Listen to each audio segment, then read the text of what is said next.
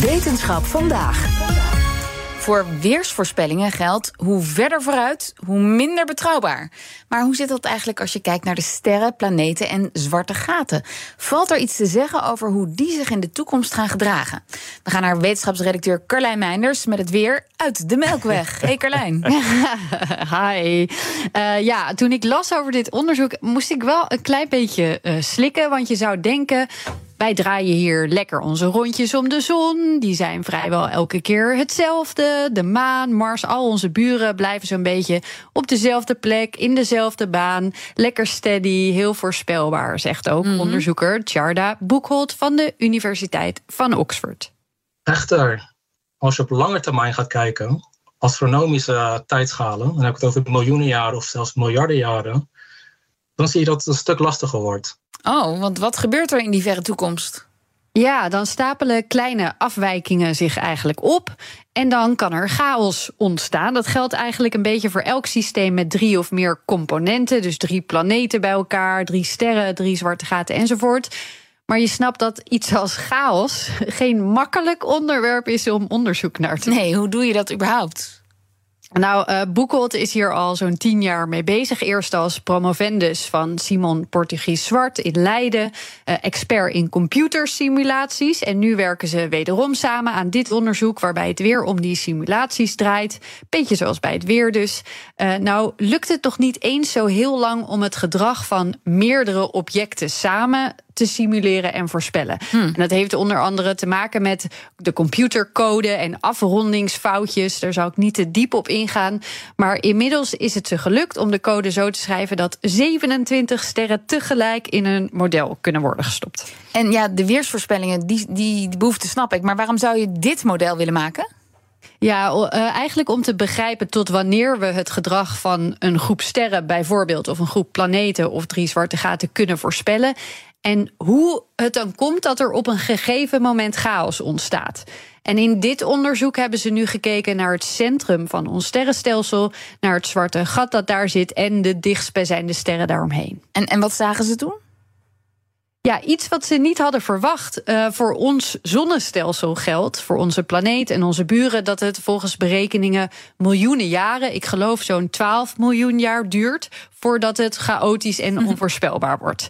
Uh, dat voelt nog best wel ver weg, dat is wel fijn.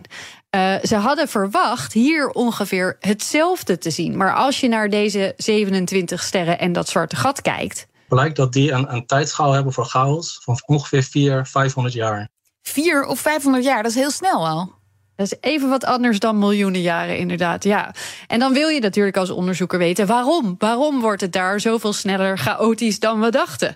Ze hebben het gedrag, de banen van deze groep sterren, uh, 10.000 jaar vooruit doorgerekend, meerdere keren. En dan zie je in die banen van die sterren steeds variaties. Vrij grote variaties zelfs, die ontstaan door interacties tussen de sterren. Het blijkt dat sterren elkaar af en toe uh, willekeurig heel dicht kunnen naderen niet dat ze elkaar uh, fysiek uh, tegenkomen, dat, dat ze botsen, maar dat ze een sterke zwaartekrachtsinteractie hebben. Dus ze geven elkaar als het ware een tik en dan vliegt er weer vandoor. Maar die tik, we weten van Newton, actie is reactie. Dus de supermassief zwart gat in het centrum voelt ook een kick.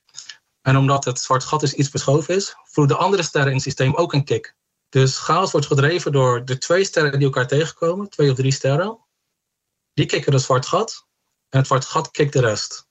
En daardoor is iedereen chaotisch. Hmm, nou, dat zal je als ster maar op je geweten hebben. Ja, ja, ze kunnen er dus niet heel veel eh, aan, aan doen per se. Het is een beetje willekeurig, maar dat is dus het beginnetje van mhm. wat er uiteindelijk gebeurt. En omdat dit weer een nieuwe vorm is waarin chaos eigenlijk kan ontstaan, hebben ze ook uh, voor dit soort chaos een nieuwe term moeten bedenken, een nieuwe theorie gemaakt onderbroken chaos. Dus steeds een tikje hierbij, steeds een trappetje omhoog. Even een rustmoment, weer een trappetje omhoog. Net zolang tot die echte chaos ontstaat. En het moment waarop het onvoorspelbaar wordt, is bij deze groep sterren dus na 462 jaar, weten we nu, veel en veel eerder dan gedacht. Maar Carlijn, je voelt hem al aankomen natuurlijk. Wat hebben we eraan? Ja, en nou, uh, dit soort dingen zijn goed om te weten als je goede modellen wil maken, betere modellen wil maken bij het voorspellen van het gedrag in de melkweg, maar nog ook verder daarbuiten. Uh, ze willen het model ook nog gaan uitbreiden, meer objecten erin. Daar wordt het waarschijnlijk nog chaotischer van, kun je je voorstellen. Dus uh, dat wordt heel interessant. Nou willen ze zelf niet per se heel erg op die tijdschaal gaan zitten. Dat vind ik misschien heel spannend om te weten. Maar zij zijn meer benieuwd naar hoe kunnen we chaos uh, op zich beter begrijpen en beter meten. Want als dat lukt, kunnen we niet alleen beter voorspellen, maar ook beter begrijpen hoe alles ooit is ontstaan. En dat zijn hele belangrijke dingen. Ja, dat is de hamvraag. Ja, dankjewel, ja. Carlijn Meinders. Ook Hugo Reitsma vind je in de BNR-app. Superhandig die BNR-app. Je kunt alle programma's live luisteren, breaking nieuwsmeldingen. Je blijft op de hoogte van het laatste zakelijke nieuws. En je vindt er alle BNR-podcasts, waaronder natuurlijk de belangrijkste, Boeken zijn in de wijk. Download nu de gratis BNR-app en blijf scherp.